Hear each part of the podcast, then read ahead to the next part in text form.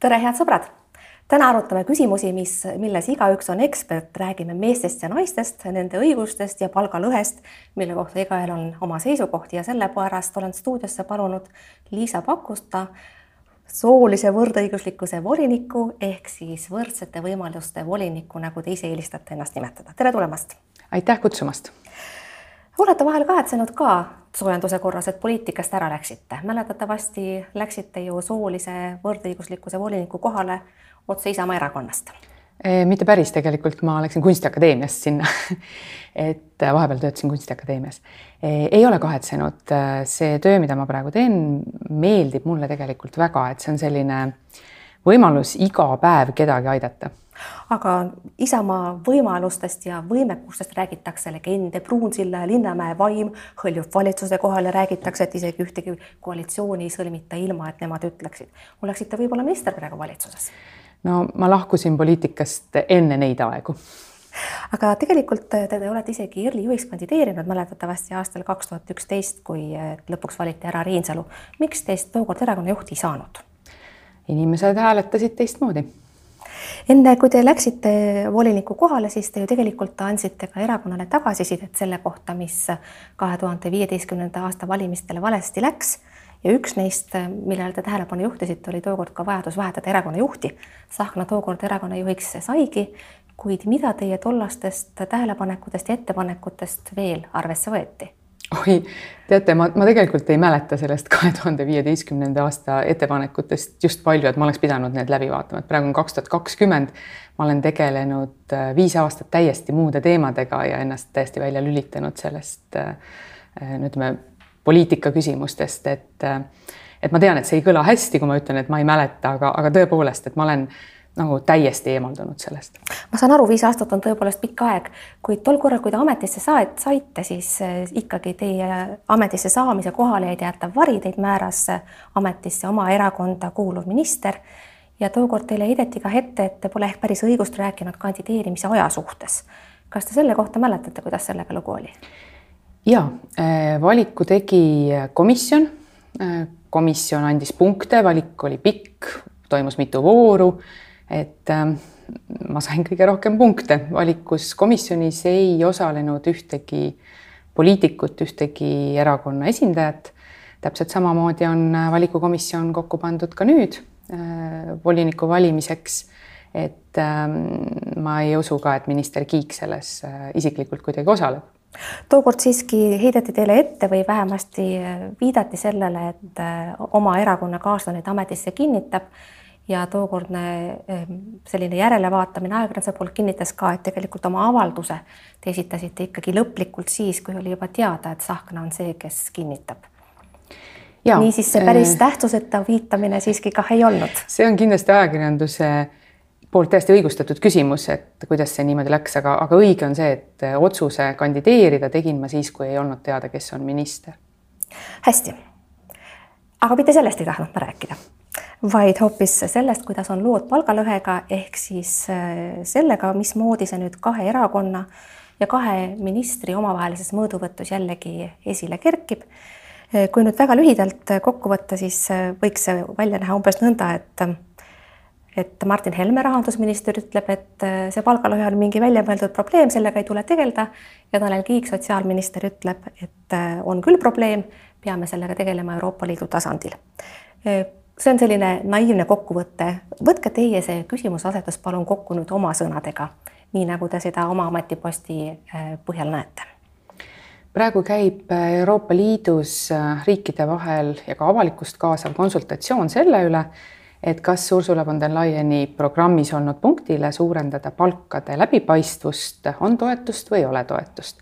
ja on küsitud selleks siis ka liikmesriikide seisukohti Eesti Vabariigi valitsus on oma siis seisukohta kujundanud ja selle seisukoha kujundamise käigus on rahandusministeerium saatnud ametniku poolt koostatud kirja Sotsiaalministeeriumile mis kannab sisaldab... siiski Martin Helme allkirja. jah, aga kus on märgitud, et selle on koostanud ametnik. et, et kus on selles mõttes minu jaoks nagu uudiskünnist ületav seisukoht, et et soolise palgalõhe regulatsiooni tuleks leevendada kuni selle täieliku kaotamiseni. kirjast ei ilmne, miks meil on soolise palgalõhe kohta regulatsioon soolise võrdõiguslikkuse seaduses paragrahvis kuus, kus on öeldud, et ei tohi määrata tööandja poolt palkasid naistele ja meestele erinevalt. et mis selles regulatsioonis valesti on ja kui see ära muuta, et kas see siis soovitud olukord oleks see, et et ma ei tea, Omniva paneb üles töökuulutuse, et võtame tööle postiljone, naispostiljoni palk on selline ja meespostiljoni palk on selline. et, et mis see nagu soovitud olukord on, et mulle see rahandusministeeriumi eh, mure jääb arusaamatuks ja ma rõhutaksin siin, et rahandusministeerium on ju see ministeerium, mis Eestis vastutab eh, avaliku sektori palgakujunduse eest annab igal aastal välja ka avaliku sektori soolise palgalõhe ülevaadet, eh, kujundab riigi palgapoliitikat, et ähm, see on nagu ohukoht, meil on muuseas avalikus sektoris ka palgalõhe väga suur. ja sinna jõuame, aga kiri iseenesest on tähelepanuväärne. ma võib-olla lubaksin endale tsiteerida mõnda kohta, et jagada seda nendega, kes ei ole ehk märganud siis tuleks ministri hinnangul lähtuda eeldusest, et ettevõtjad, kes talenti otsivad, ei diskrimineeri kedagi suu alusel. ma väidaksin, et sellest eeldusest on lähtutud kogu aeg. kas seda peaks kuidagi muutma? seal seisab, ettevõtjad peaksid töötajaid palgates olema vabad oma palgakujunduses. küsin ma jällegi, kas nad siis ei ole või kui viidatakse, kui palgad kujunevad, peaksid, palgad peaksid kujunema ettevõtja ja töövõtja vahelistes läbirääkimistes, tekib küsimus, aga kuidas veel et äh, kas teie näete, mis on ikkagi nende küsimuste asetuste taga äh, sisuliselt? Äh, ei näe ei näe, et mul on tegelikult nagu samad küsimused, et kus on probleem aga millele Rahandusministeerium viitab? aga nüüd teie võrdõiguslikkuse volinikuna ju osalete ka seadusloomes, et missuguseid võimalusi teil on siis sellele, ma saan aru, küsitavale küsimuse püstitusele omalt poolt viidata? Küsimus on läinud siis Rahandusministeeriumist Sotsiaalministeeriumile ja Sotsiaalministeerium on sellele tegelikult juba vastanud. et äh, Sotsiaalministeeriumi vastus on see, et see probleem on oluline, ehk siis äh, sooline palgalõhe, sellega tuleb tegeleda ja mingisugusest regulatsiooni leevendamisest siis, mis on Sotsiaalministeeriumi pädevuses või haldusalas, eh, nad kuulda ei taha. nii et äh, valitsuse seisukoht, mis siis on mõned päevad hiljem kujundatud äh, selles samas Euroopa Liidu konsultatsioonis, ähm, ei näe ette küll seda regulatsiooni leevendamist. ei näe ette aga... leevendamist, aga tegelikult ütleb midagi kohutavalt üldist, et äh, me oleme kujundanud seisukohad vastamaks sellele regulatsioonile ja noh, peame vajalikuks astuda samme, rääkida Euroopa Liidu tasandil aktiivselt kaasa. ega see ei ole ju ka eriti sisuline jutt või kuidas no seda, mida valitsus nüüd täpselt otsustas, seda tuleks nüüd küsida valitsuse käest, et ma möönan, et see valitsuse otsus on tõesti väga ümmarguselt sõnastatud, et kui äh, võtta sealt välja see, et äh, valitsus on otsustanud, et iga liikmesriik peaks neid küsimusi otsustama iseseisvalt, siis tähendab see seda, et Eesti ei ole huvitatud äh, üle-euroopalisest mingisugusest regulatsioonist sellel teemal, mille kohta ju tegelikult see päring äh, Euroopa Komisjonist esitati. komisjon aga siiski plaanib äh, sellise palkade läbipaistvust äh, suurendava algatusega välja tulla, ma saan aru, see peaks tulema siis selle aasta neljandas kvartalis. kas, kas siis on võimalik, et Eesti sinna üldse mingit oma panust ei anna sellesse ettepanekusse või on, on võimalik see, et ta ette keeldub üldse arutelus osalemast, öeldes, et see ei ole teema, millest me räägime? keeldutud ei ole, kui me seda Vabariigi Valitsuse otsust vaatame. Eesti soovib selles arutelus osaleda. milliseks need lõplikud seisukohad kujunevad, siin on kahtlemata sõna öelda ka Euroopa Liidu asjade komisjonil äh, Riigikogus. nii et võib-olla vara öelda veel, aga, aga see kiri ütleb vähemalt seda, vabandust, Vabariigi Valitsuse otsus ütleb vähemalt seda, et Eesti kavatseb selles äh, läbirääkimiste voorus osaleda. no hästi, see ei ole tegelikult ka esimene kord, kus Martin Helme, Tanel Kiik omavahel äh, satuvad sellisesse vastuollu, seal on äh, olnud muidki teemasid, näiteks LGBT teemad, sellised, milles nad on vastamisi läinud. aga veel enne, kui me selle juurde lähme, võiksime korraks vaadata sisse ka küsimusse, miks meil see palgalõhe ikkagi nii suur on. me teame, et meil on suurim palgalõhe Euroopa Liidus ja tegelikult ka maailma statistikas ei ole me mingitel auväärsetel kohtadel. ikka seal äh, kõrguse poolest äh, nagu kõige tagumises otsas, jah? eks ole, ja ei ole sellist konsensuslikku kokkulepitud seisukohta, miks see nii on. kui te saaksite võtta niimoodi mõne lausega kokku oma arusaamise sellest, miks see nii on? ega seda konsensuslikku kokkulepet ei ole üheski riigis, et äh, sooline palgalõhe, mis siis tähendab seda, et keskmiselt saab ühe riigi keskmine naine kuuekümne minuti tööaja eest vähem palka kui ühe riigi keskmine mees kuuekümne minuti tööaja eest. et selline sooline palgalõhe ehk äh, meeste kasuks on olemas kõikides riikides. kõikides riikides saab keskmine mees kuuekümne minuti tööaja eest rohkem palka kui keskmine naine nüüd see, et miks need numbrid on erinevad, äh, seda mõjutab päris palju asju, ehk äh, kõige lühem vastus oleks sellele see, et mõjureid on hästi palju. kui me hakkame neid mõjureid ritta panema, siis äh, just sellel aastal tegelikult tuli välja üks suur kolmekümmend viite riiki võrdlev uuring, kus selgus, et kui me vaatame nagu kolmekümmend viite riiki, kõige suurem mõju on emadusel ehk siis äh, naistel, kellel on lapsed, on palgalõhe oluliselt suurem kui nendel naistel, kellel lapsi ei ole. Ja kui me vaatame Eestit, siis kõige suurem on meil palgalõhe kolmekümne viie kuni kolmekümne üheksa aastaste naiste hulgas. E, palgalõhet ei ole päris noorte naiste hulgas ja ta väheneb omakorda siis hiljem, kui naised on vanemad. aga see emaduse mõju sellele palgalõhele on kõige suurem dominant et.... mis on siis ilmselt ka põhjus, miks te Postimehes viitasite, et kuna statistika järgi kannatab noorte emade sissetulek palgalõhe pärast kõige rohkem, siis äh, rahandusministeeriumi soovitus või see Martin Helme algatus iseenesest on oht sündimusele. mina ausalt öeldes tõlgendasin seda niimoodi, endine Isamaa poliitik Pakosta püüab äh, saada arusaadav, teha ennast arusaadavaks praegusele valitsuskoalitsioonile, kus domineerival positsioonil on Isamaa ja EKRE ja sündimus on nende ühine mure no see tõlgendus jääb igaühe enda südametunnistusele, nagu öeldakse, aga statistikast või uuringutest tuleb tõesti see välja, et emaduse mõju äh, siis soolisele palgalõhele, kui me vaatame seda kolmekümne viie riigi uuringut, oli see sõltuvalt riigist nelikümmend viis kuni kuuskümmend viis protsenti, selgitas ära kogu sellest siis palgalõhest. E, Eestis me teame Statistikaameti mahukatest uuringutest, et äh, mida rohkem lapsi, seda suurem palgalõhe, ilma lasteta naistel palgalõhe jäi selles uuringus umbes viie protsendi peale ainult. samal ajal kui lastega naisel on see palgalõhe noh, ikkagi tublisti üle kolmekümne protsendi, see vahe on mitme-mitmekordne. sellega ma iseenesest ei vaidle ja selle teesiga ma ju ka kokkuvõttes ei vaidle, millele ma tahaksin tähelepanu juhtida, on hoopis see, et oht sündimusele jaa aga põhimõtteliselt kogu võitlus palgalõhe vastu eh, iseenesest ju peaks suunduma õigluse suunas, see on lihtsalt ebaõiglane ja vale, et naised saavad vähem palka, sündimus sündimuseks. sellega ma olen absoluutselt nõus, et äh, tegemist on äh, laiema õigluse küsimusega. No, ehk küsimusega sellest, et kuidas me ühiskonnas elu korraldame, kui nii mehed kui ka naised käivad tööl, aga lapsed sünnivad endiselt edasi ja vanainimesed tuleb ka ära hooldada et äh, kuidas meil on see elu korraldatud, kui me vaatame nüüd Eestis praegu kehtivat seadusandlust, äh, soolise võrdõiguslikkuse seadust näiteks, siis seal on tööandjatele terve rida kohustusi. Need tööandjatele pandud kohustused on mõeldud selleks, et äh, toetada eeskätt siis naisi, et nad saaksid keerulisematele tööülesannetele, et nad saaksid valitud nendele töökohtadele, kus palk on kõrgem, et nad oleksid toetatud hariduse omandamisel et need on niisugused kohad, kus äh, pihta võib saada naine sõltumata sellest, kas tal on lapsi või tal ei ole lapsi. no ja kui tööandja neid nõudmisi ei täida, siis ta läheb ja kaebab teile, eks ju. aga mis siis juhtub, te teete ettekirjutuse, teie kedagi vangi ei pane, tööandja teeb ikka edasi nii, nagu ta tahab, et mis see reaalne mõju on, mida te saate avaldada tööandjatele?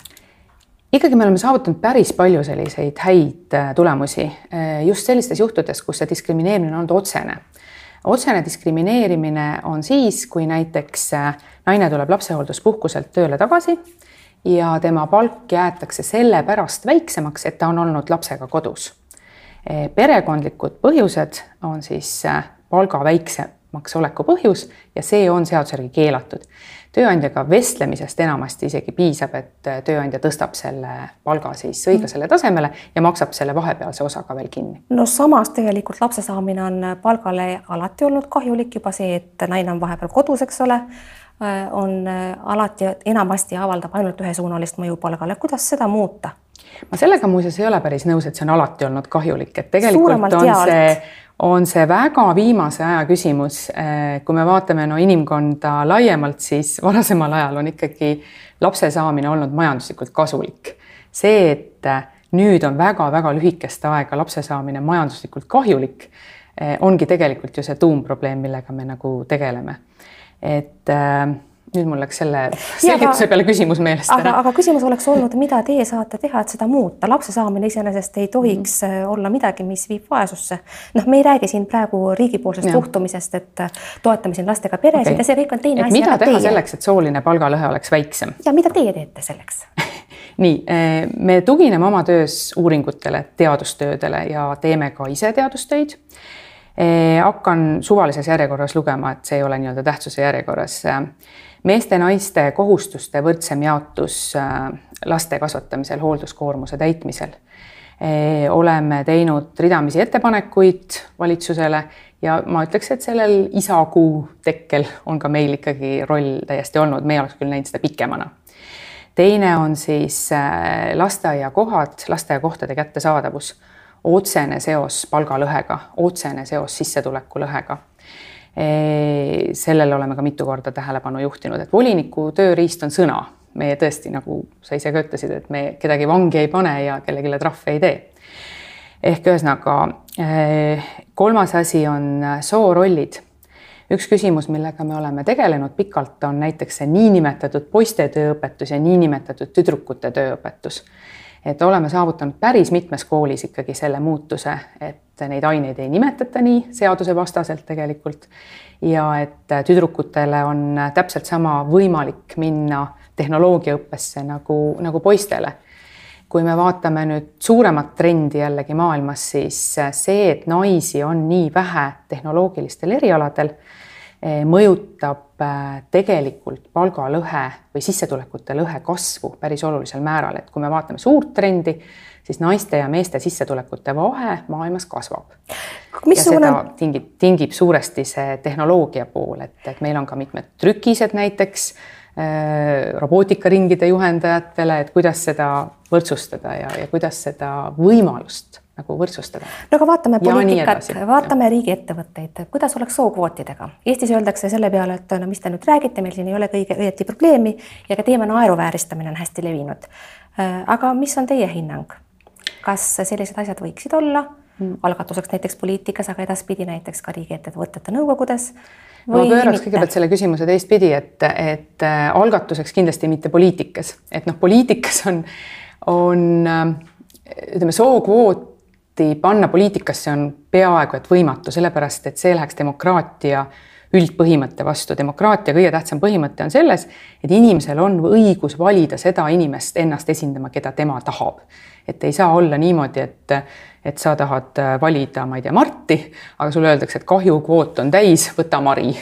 et, et see ei ole nagu demokraatia toimimiseks võimalik, et poliitikasse nagu kvoote sedapidi panna ei saa, küll edukas on olnud näiteks Prantsusmaa oma triibuliste nimekirjadega, neil on hästi lihtne regulatsioon, et erakond, erakonnal on õigus esitada mittetriibuline nimekiri alguses, aga sellisel juhul ta maksab siis äh, riigikassasse trahvi. kas see võiks ka meil nõnda olla? ma arvan, et ei ole ju tegelikult, igaüks näeb, et ühtegi triibulist nimekirja pole olnud ja ei paista ka tulemas.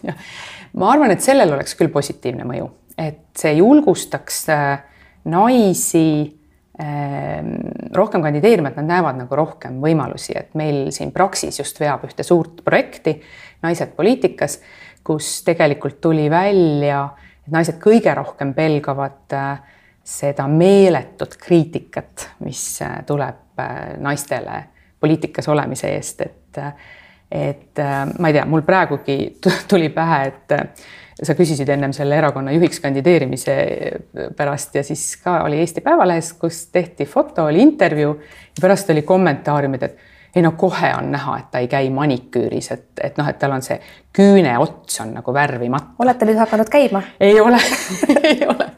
Et no ühesõnaga, see on niisugune massiline välimuse ja perekonna ja kõikide selliste asjade osas kriitika. naised on suurema tähelepanu all. Äh, mis nagu mõjutab.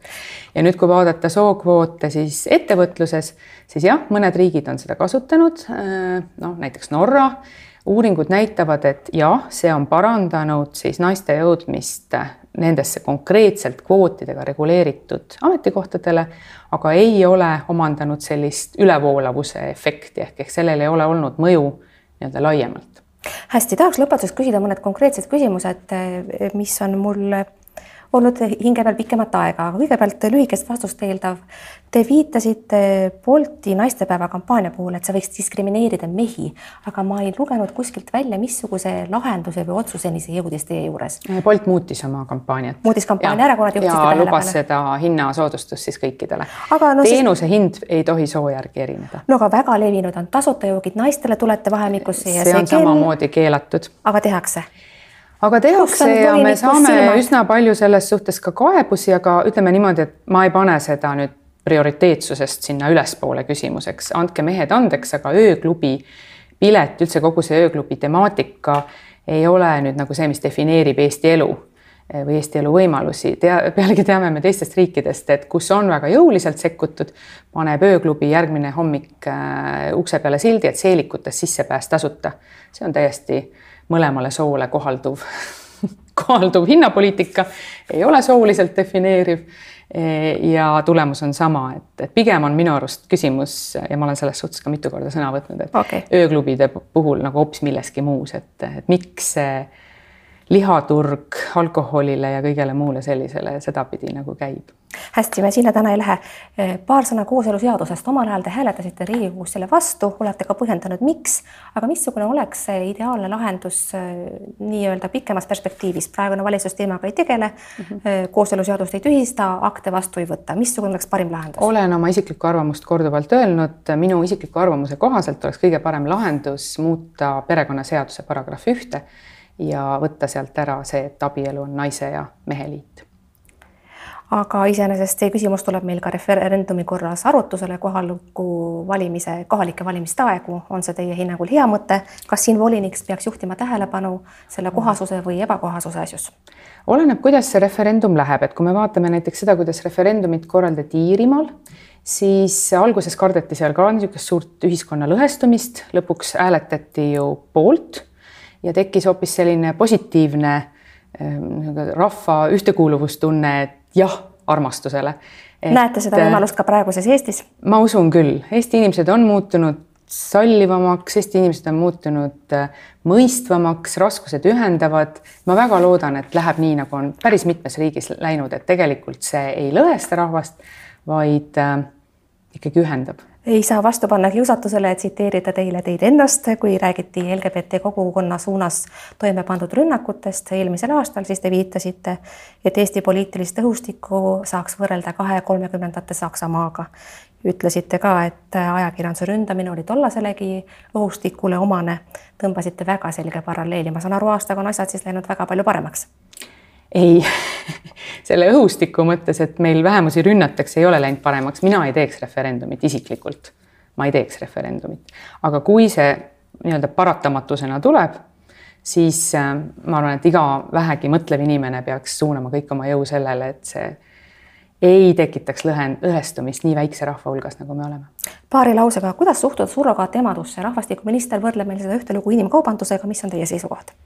Siin ma saan jälle tuua ainult isikliku seisukoha, et äh, kui on kaks inimest, kellele see mõlemale väga hästi sobib, siis mina ei näeks takistusi. hästi, viimane küsimus, Liisa Pakosta, meie aeg hakkab läbi saama. Äh, teie praegusele ametikohale käib konkurss, sest viis aastat on täis, ma eeldan, et olete Tanel Kiigile oma avalduse ära viinud ja ta on teid juba järgmiseks ametiajaks ametisse kinnitanud või kuidas? ei, ma olen küll sellele konkursile oma avalduse ära viinud, aga ühtegi tagasisidet sellele tulnud ei ole, et ma usun, et on kindlasti palju häid kandidaate. Liisa Pakosta, suur tänu, et olite stuudiosse neid küsimusi arutama.